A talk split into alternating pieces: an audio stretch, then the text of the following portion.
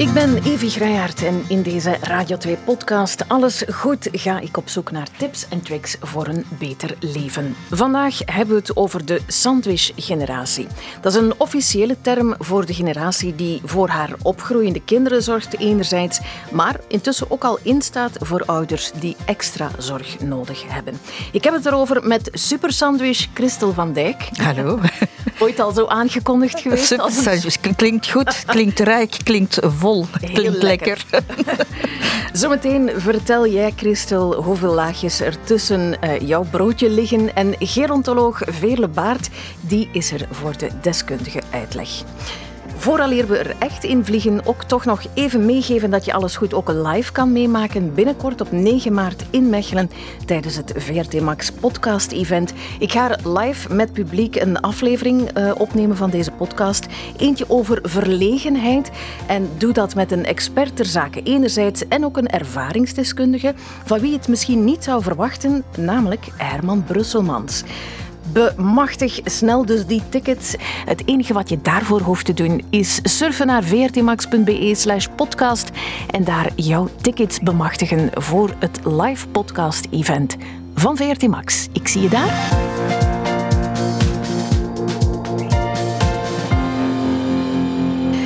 Ik vermoed of ik hoop dat mijn gasten van vandaag niet verlegen zijn, of toch zeker niet te verlegen, om over het onderwerp van deze aflevering te babbelen. Ik zie ze vlotjes van nee knikken, dus dat ziet er goed uit. Veerle, welkom. Hallo, dag Evie. Alles goed? Eh, alles goed, maar ik weet dat je dat niet graag hoort, Nee. alles goed. Hè? Ja. Ehm, Maar ja, als het wel zo is, dan mag je het ook zeggen. Hè? ja, ik had een fantastisch weekend waar ik heel veel energie van heb opgedaan. Eh, Stoever. ja, maar als ik dan nadenk hoe het in de wereld eraan toe gaat, dan is toch niet zo alles goed. Dus Mhm. Ik geef mezelf een 8 op 10. Oké, dat is mooi. Christel van Dijk? Alles goed, mentaal alles goed. Wat pijntjes hier en daar, met een voetenpijn. Ik moet naar de orthodontist. Nee, eh, orthopedist. Orthopedist, daar moet ik naartoe.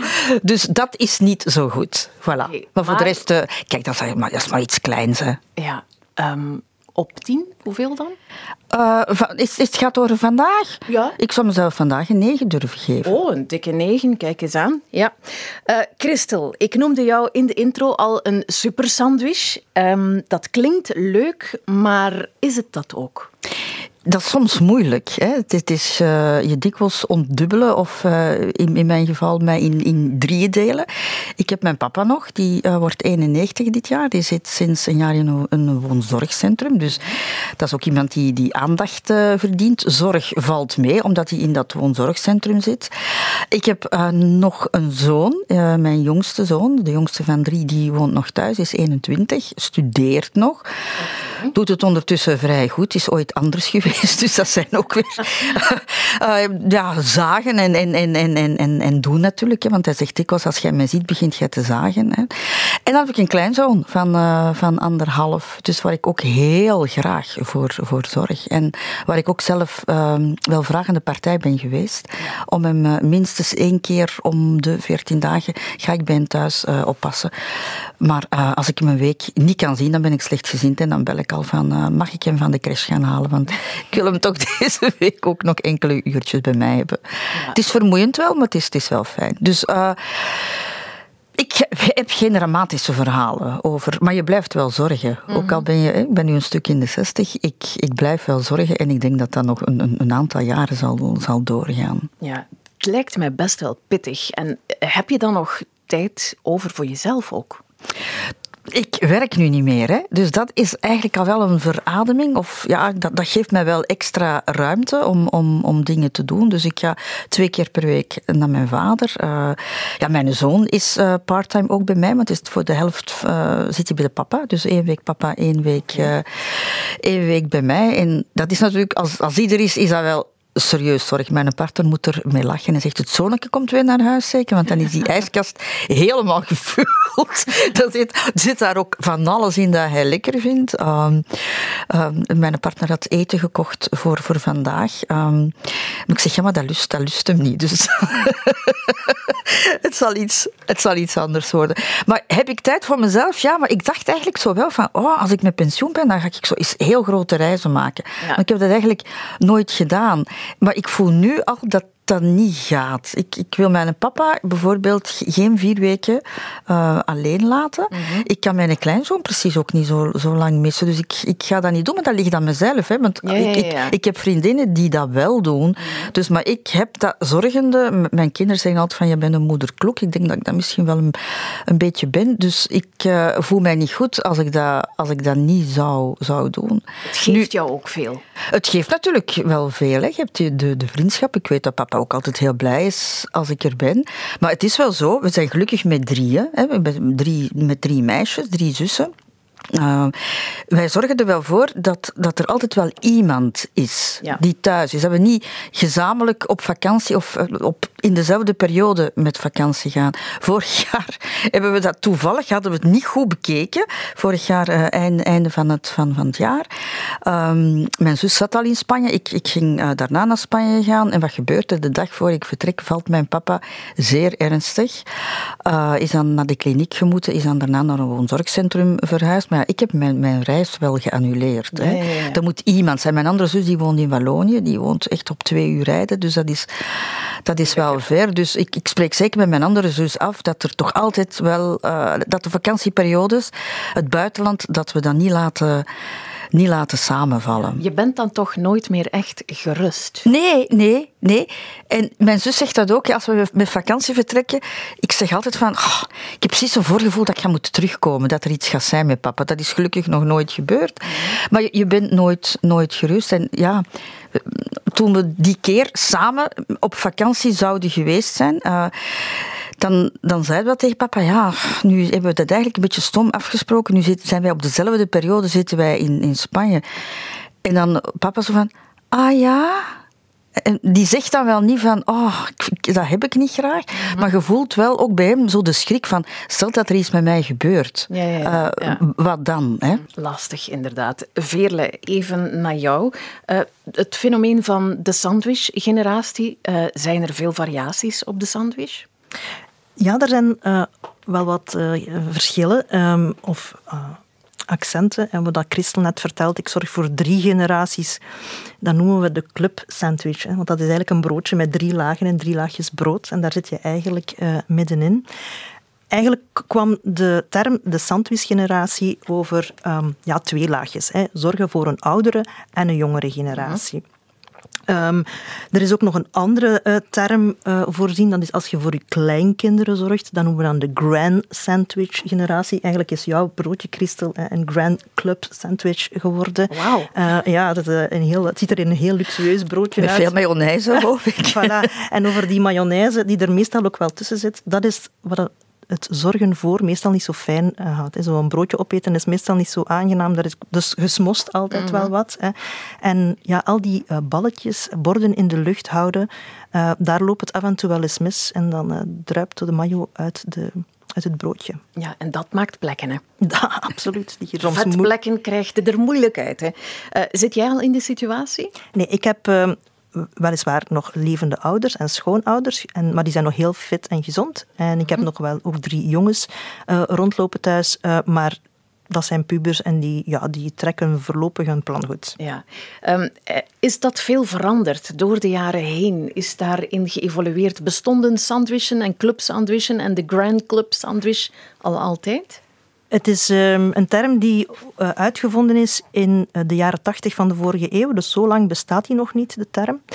Um, de evolutie zit er hem in uh, dat wij als vrouwen um, steeds langer gaan werken. Mm -hmm. En dat vroeger, dat er, als er zorg was, enerzijds voor grootouders of kleinkinderen, dat vrouwen gewoon thuis waren.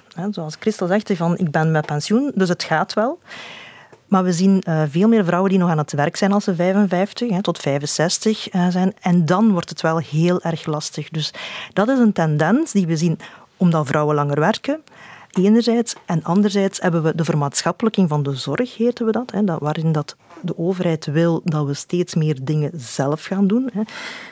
Er zijn niet zoveel plaatsen in een woonzorgcentrum, dus mensen moeten langer thuis uh, wonen, willen dat ook zelf, voor mhm. alle duidelijkheid.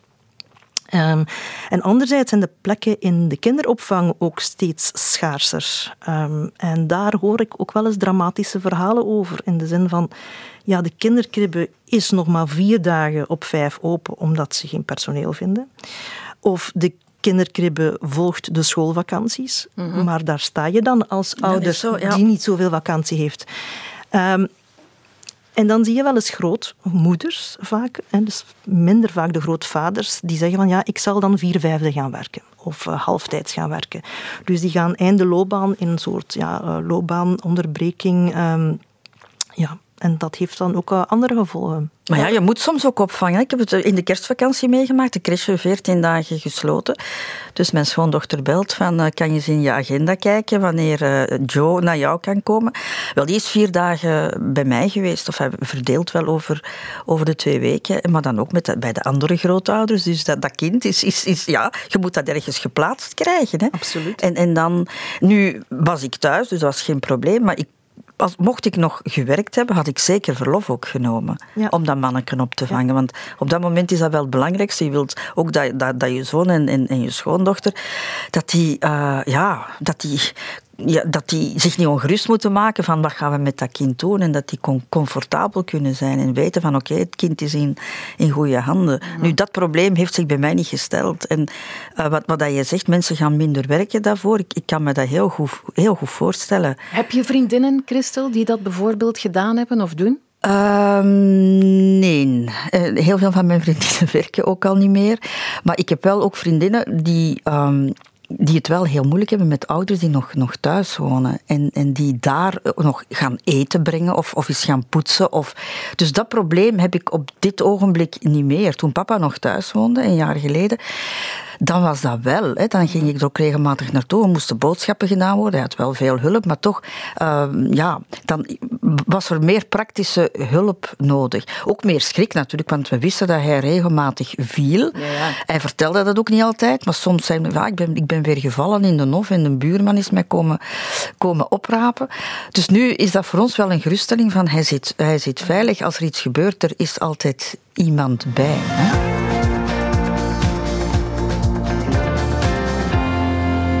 Veerle, een interessant gegeven wat jij ook al even hebt aangeraakt en wat ik mij afvraag. Zijn het vooral vrouwen die dan um, ja, dat gaan opvangen of is dat een beetje te clichématig gedacht? Nee, je hebt het helemaal bij het rechte eind. Uit een studie van de CM, de christelijke mutualiteiten, uh, blijkt dat 63 procent uh, vrouwen zijn die de zorg voor iemand anders opnemen. Eigenlijk dubbel zoveel vrouwen nemen zorg op dan mannen. En hoe komt dat dan toch? Ja, dat zit in onze genen, wordt van ons verwacht. Het, vrouwen zijn het van het eerder zorgende type, hebben het ook altijd zo gezien in hun opvoeding, dat vrouwen zorgen voor kinderen um, uh, of voor andere uh, oudere ouders.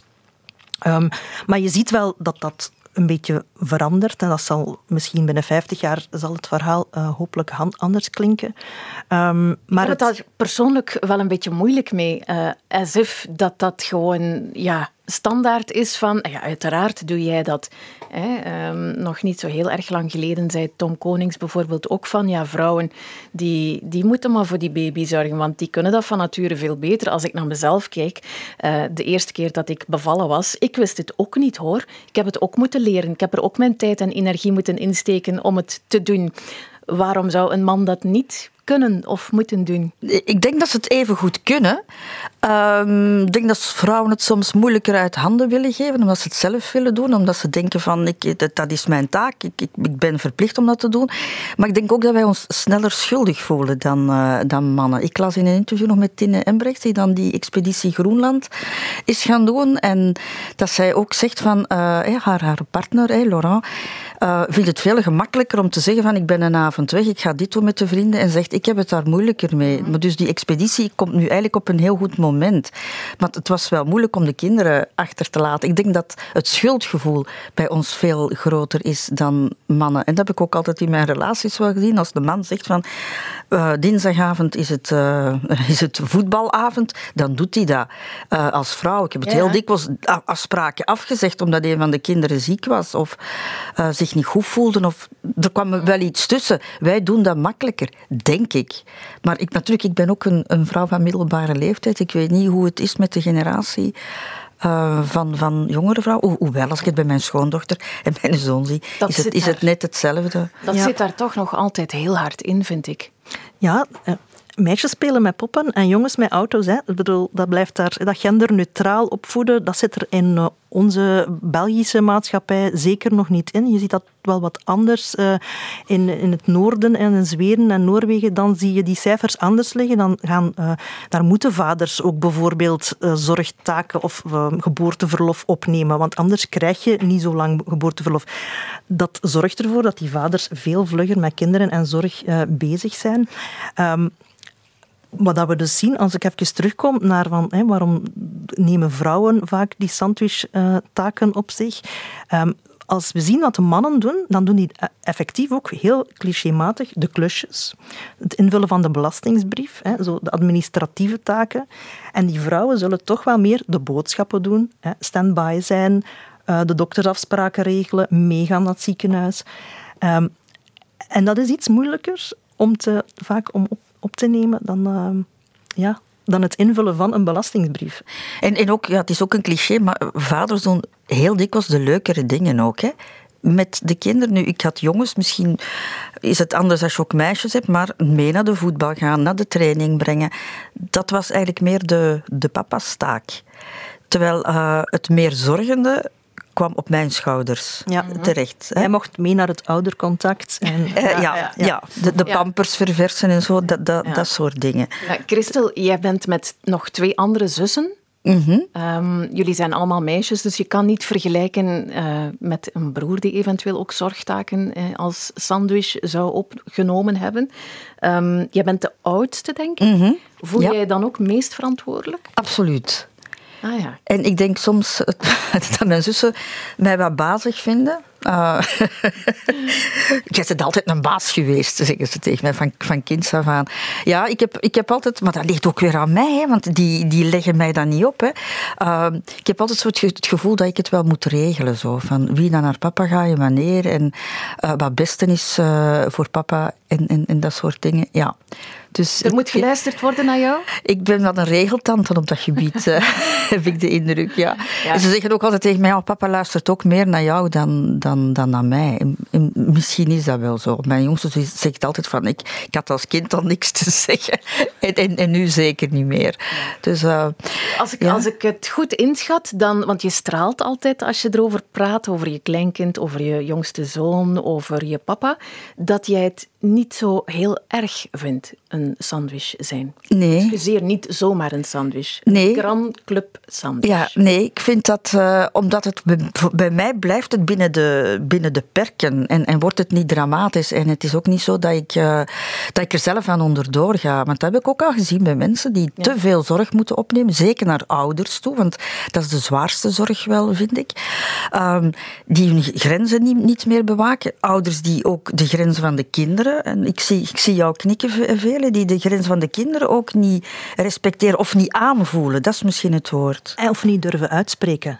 Ze beseffen wel dat er een grens is van dit is te veel voor mij. Zeker als ik ondertussen aan het werk ben en zorg voor generatie die ouder is en jonger is.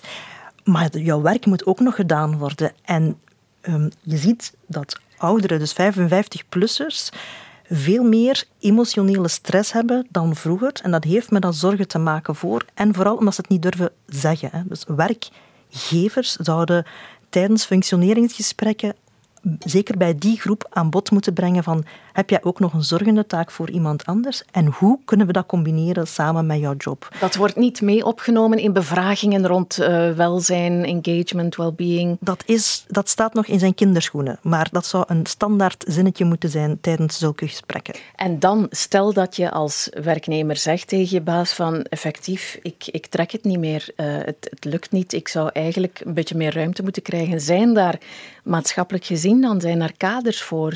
Ja. Is daar wetgeving rond?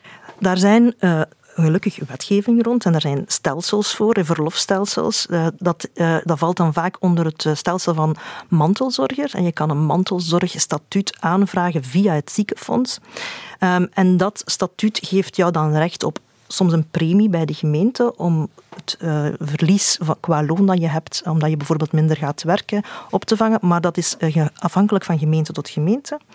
Uh, en dan als mantelzorger zijn er verschillende soorten verloven die je kan opnemen. Palliatief verlof, um, verlof voor uh, zorg van iemand die langdurig ziek is. Um, maar let wel op, zulke verlofstelsels zijn uh, beperkt in tijd en je verliest toch wel heel vaak uh, loon. Ja. Maar als de maatschappij verwacht en als hè, de overheid verwacht dat mensen meer zorg gaan opnemen voor hun, hun familie, en, en wellicht willen die mensen dat ook zelf, maar er is geen kader of er, er wordt te weinig nog in de verschillende situaties over nagedacht en dingen voorzien ja, dan, dan is dat toch heel erg moeilijk. Ja, de gezinsbond pleit er bijvoorbeeld voor om daar toch een betere verloning of een betere financiering tegen, tegenover te zetten als je een mantelzorg eh, opneemt. Net omdat we dat in de toekomst anders niet meer gaan redden om de zorg van zowel onze kinderen als onze ouders of grootouders op te nemen. Inderdaad, ja, als we nu zo lang moeten werken tot 67 um, en ja, je, je, wacht even met kinderen hebben, ja, dan zit je gewoon standaard in die situatie en dan moet je het maar zien te redden. Ja, en dat kan misschien op een bepaald moment voor vier oudere ouders tegelijkertijd zijn. En dat mm -hmm. is wel best pittig. Dan is dat bijna een fulltime, een fulltime job. Hè. Ik denk dat het ook wel belangrijk is om, om je grenzen aan te geven ten opzichte van, van jouw ouders. Hè. Zeker. Doe jij dat? Ik, ik doe dat soms wel. Ik, ik herinner me, papa, hij woonde toen nog, nog thuis en papa ging uh, zijn sinaasappelen in die winkel halen en, en, en, en zijn confituur in de Aldi. Ik en ik moest boodschappen gaan doen en ik moest van hem naar, naar die twee winkels, maar ik werkte toen nog, of ik zou het nu ook niet doen. Ik zei, papa, dat ga ik niet doen. Hè. Ik ga naar één winkel en dat is ook goede confituur, dus dat, dat, zo gaan we dat niet doen. En hij antwoordde toen, ik zal het wel aan ons Hilse vragen. dat is mijn tweede zus. En die zegt veel minder makkelijk nee. Of zo'n tijdje geleden belde hij mij, maar oudere mensen hebben ook soms zo... Dat worden een beetje kinderen, hè? die worden graag op hun wenken bediend. Zo. Nu, die, die, ja, ja. En dan, ja, ik heb geen bodymilk niet meer. Kun jij eens even bodymilk brengen? Ik zeg, papa, ik, zeg, ik kom morgen of, of overmorgen. Ik kom overmorgen naar jou. Dat zal ook nog wel lukken, zeker, met die bodymilk. Ja, ja, ik zal proberen, hè, zegt hij dan. Maar dan denk ik, nee, ik ga nu niet naar de winkel, in mijn auto stappen om naar het woonzorgcentrum. Hij zal wel twee dagen nog een beetje voor kunnen met, met die bodymilk. Hoe was het en, zijn vel? Het, het, maar dan zeg ik ook, papa, je moet dat een beetje vroeger zeggen. Ja, ja, ja, ik weet het, ik weet het. Maar ik denk daar niet altijd aan. Dus, ja, ja voilà. dus duidelijk grenzen stellen, Veerle. Dat is goed dat Christel dat doet. Hè. Zeg van, ik ga binnen twee dagen zal het ook wel lukken en het is niet niets levensbedreigend. Wat je wel vaak merkt, is dat achter zulke vragen een andere vraag zit. Dat is vaak van, ik heb nood aan bezoek. Dat is het niet. Nee, nee, hij had gewoon ah, zo'n bodymilk nodig. Hij had gewoon zo'n bodymilk nodig, maar dat zien we soms. Maar grenzen aangeven, heel belangrijk. Of zeggen van, vandaag lukt het niet, want ik heb bijvoorbeeld een belangrijke deadline op het werk ik ga het aan mijn zus of aan mijn broer geven. Hè, want we zien vaak dat de zussen het, uh, het, de zorg voor de ouders overnemen, dat de broer wat minder in, uh, in de picture komt daarin. Maar die broer die kan dat misschien ook wel doen. Ja, natuurlijk. Ja. De ene persoon is al wat mondiger dan de andere en durft al wat meer te zeggen of te delen dan de andere. Je hebt geen probleem met zeggen en delen. Nee, en hij begrijpt dat ook wel. Hè. Ja. Dus, uh, en als ik nu eens niet kan babysten op, op de kleine, dan, dan zal ik dat ook zeggen. En wel, dan, ook aan dan, die kant durf je ja, te zeggen. Ja, maar daar schipper ik soms wel wat meer. Een tijdje geleden dan, uh, vroegen ze zo nogal totaal onverwachts van... Uh, kan, kan hem komen slapen. Ik had eigenlijk een, een, een etentje en ik heb gezegd, ja, ja, ja, laat hem maar komen, ik heb dat etentje afgezegd. Dus dat doe ik ook wel. Maar goed, uh, dat soms, hè, dat is ook niet altijd. Hè. Dus ik zorg er ook wel voor dat dat bewaakt wordt. Veerle? Ja, wat dat belangrijk is om te weten, is dat elk gezin zo zijn eigen patronen heeft, familiepatronen. En dat, je zei daarnet al, mijn zus zegt dat ik altijd al een baas ben geweest. Um, ja, we denken als we volwassen worden dat we daar uitgroeien, maar eigenlijk zien we later dat, dat we terugvallen in diezelfde patronen dan vroeger. En het is misschien ook wel eens interessant om te zien van hoe dat, dat familiepatroon net in elkaar zit en wie welke rol op zich neemt. En of mensen veranderen is soms moeilijk, hè. Um, maar om gewoon al te erkennen van ja, oké, ons Christel, hè, die is een beetje misschien meer van het, uh, het type van dat alles in handen neemt. Laat daar ook haar die rol in hebben en probeert daar een, of er een andere schwung aan te geven. Um, dus dat helpt wel om erover te praten en om alles een beetje in kaart te brengen. Ja. ja. En dat doen wij ook wel. Wat ik bijvoorbeeld heel moeilijk vind, dat gaat dan weer over mijn ouders, is meegaan naar de dokter en, en als, ze, ja, als ze aan- en uitgekleed moeten worden. Da, daar heb ik het zo wat moeilijk mee. Dat fysiek mhm. contact en, en die aftakeling, aftakeling ook zien in, in, hun, in hun lichaam. Ik vind dat zeer, zeer confronterend. En ook omdat je dan ja, weer die grote rol overneemt van zorgende, terwijl zij vroeger jou aan- en uitgekleed hebben. Mhm. En dat doet bijvoorbeeld mijn tweede zus veel beter. Die heeft het daar niet moeilijk mee. Mijn jongste zus ook niet. Dus dan verdelen we dat wel zo. Ja, maar dat is goed dat je dat weet van elkaar. En dan is er minder ergernis en ja, ambetantigheid als je toch een dokterbezoek uh, ja, gepland staat en je zegt, oh, ik wil jij dat niet doen, want je weet dat ik dat niet graag doe. En daar rol je van automatisch in. Ja, ja. ja. Enfin, wij toch. Ja, maar bij heel veel families is dat niet zo, wordt dat niet uitgesproken. Hè. En zo ontstaan uh, vrevels en ruzies. Absoluut. Um, ja. Dus ook daar een warme oproep om gewoon te durven delen wat je denkt, voelt, nodig hebt, ook zelf als mantelzorgers onder elkaar dan. Ja, ja. ja. de agenda's op tafel gooien, zeggen van wie heeft er wanneer tijd, wie gaat er wanneer op vakantie, uh, uh, wie heeft er welke deadlines, kinderen, whatever. Um, en zeggen van ja, of nu lukt het mij ook even niet. Ik heb het mhm. gewoon lastig. Um, het, is een, het is geen goede periode voor mij. Kan er eens iemand de zorg wat overnemen? Hè? Of vraag hulp van andere mensen buiten de familie ook. Uh, om wat even wat zorgtaken op te nemen. Er bestaan organisaties die thuiszorg mhm. voorzien, uh, maar ook vrienden, buren eventueel kunnen uh, wel eens inspringen.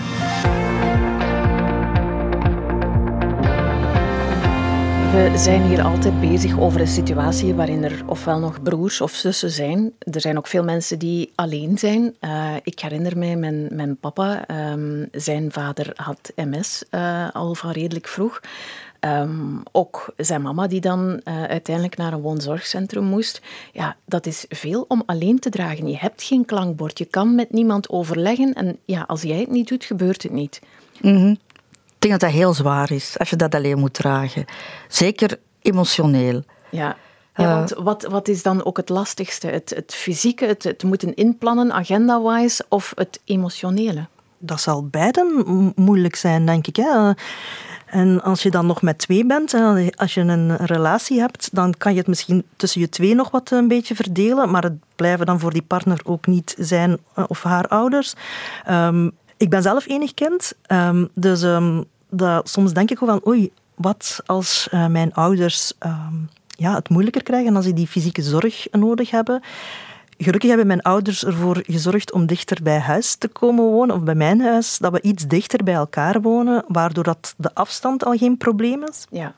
Um, en waardoor dan mijn kinderen uh, wat vaker daar over de vloer kunnen komen, zodanig dat ik die in kan, scha uh, in kan schakelen. Ja. ja. Drie exemplaren heb je? Drie uh, stevige jongens die uh, allemaal ook kunnen koken en zo. Dus, en oh, boodschappen kunnen amai. doen. Ja, ja, ze, ja. ze, zijn bij de scouts. Dus je kunt de ene om confituur sturen naar die winkel en de andere... ja, want wij wonen aan de, aan de Gentse Dampoort. Dus daar zijn heel veel winkels en Aldi's enzovoort. Dus ze, ze kunnen een tour doen, maar dat zijn grenzen ook maar aangeven. Ja, ja um, Christel, jij zorgt voor drie verschillende generaties.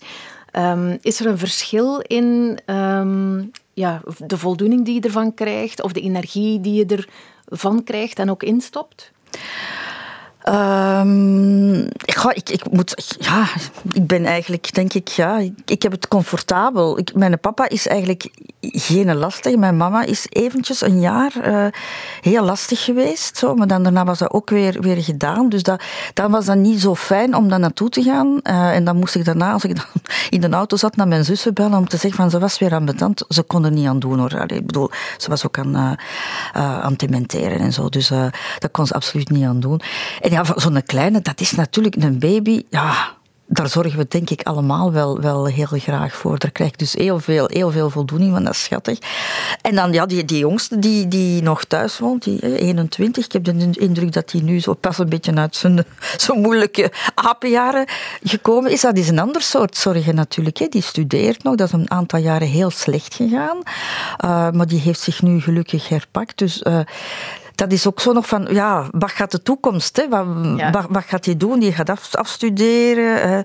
hoe gaat dat gaan met werk? Gaat hij makkelijk werk vinden? Gaat hij oh, zijn plek vinden in de wereld? Bij die twee oudsten, die hebben hun plek gevonden. Dus dat is, daar ben je dus eigenlijk al niet meer mee bezig. Zo. maar je blijft dan toch bezig met zoveel verschillende andere levens. Ja, ja. Je zorgen maken om, zorgen voor, maar toch ook zorgen maken om. Zorgen maken om. Dat is denk ik een beetje nog wel de, de rode draad in mijn leven. Ik denk het in het leven van, van, heel, veel, van heel veel vrouwen, uh, mannen waarschijnlijk ook.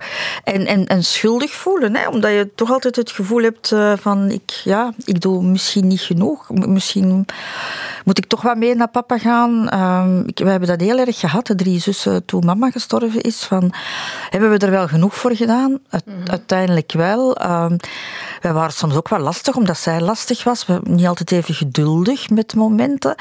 Dat voelen we ons nu nog altijd schuldig over. Dus ja, dat is zo. Uh, als mijn jongste zoon thuis is en ik, ik ben heel veel weg, uh, vroeger voor het werk of nu voor andere dingen, dan voel ik mij ook schuldig. En ik zal bijvoorbeeld, je zit nu in de examens, ik zal altijd wel zien dat ik, dat, dat ik er ben. Zo. Ik, ja. ik zal niet gemakkelijk, alhoewel dat hij dat niet erg vindt, hè, maar mm. ik vind dat dan. Ik denk, die zit in zijn examens. Als hij naar beneden komt, dan moet je niemand hebben om even met te babbelen.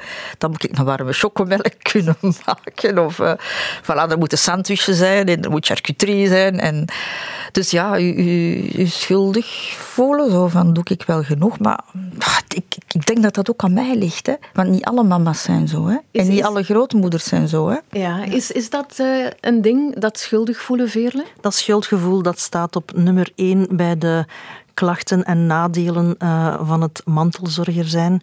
Um, ja, en wat kan je daaraan doen? Dat is proberen je niet schuldig te voelen, maar dat is gemakkelijker gezegd dan gedaan.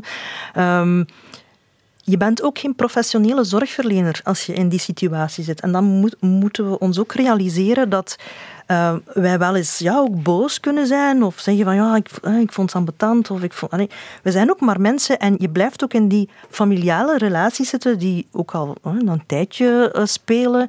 Um, het is ook helemaal niet zo erg om u daar... Ja, maar schuldgevoel is ambetant, hè, want ja. ja. je, kunt, je kunt altijd meer doen. Ja, ja en ik speelde mij bijvoorbeeld ook, hè, wat, wat mijn mama betrof kon het niet uh, om met haar naar het toilet te gaan en, en, en haar schoon te maken. Dat ging voor mij niet.